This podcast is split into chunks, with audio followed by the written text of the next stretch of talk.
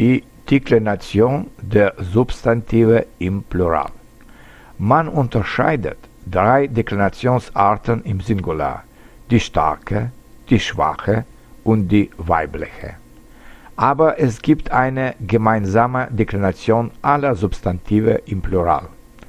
Nominativ, die, meine, Briefe, Studenten, Bücher, Frauen.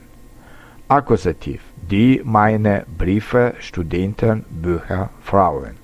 Beachten Sie, dass die Formen von Nominativ und Akkusativ gleich sind. Dativ, den, meinen, Briefen, Studenten, Büchern, Frauen. Beachten Sie, dass alle Substantive im Dativ Plural die Endung ein haben. Genitiv, der meiner Briefe, Studenten, Bücher, Frauen. Und jetzt lesen Sie verschiedene Beispiele mit Substantiven im Singular und Plural.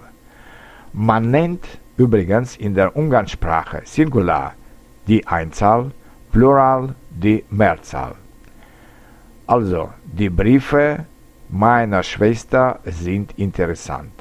Die Eltern haben es nicht leicht mit den Kindern. Sie braucht ein Wörterbuch. Meine Mutter führt den Haushalt. Wir haben viele Aufgaben gemacht. Gib deinem Bruder zwei Äpfel. Alle Studenten unserer Gruppe sind fleißig. Ich habe den Namen Nina gern. Ich verstehe deinen Gedanken nicht.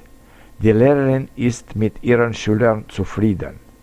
Besuchst du die Vorlesungen des Dozenten Weigel gern?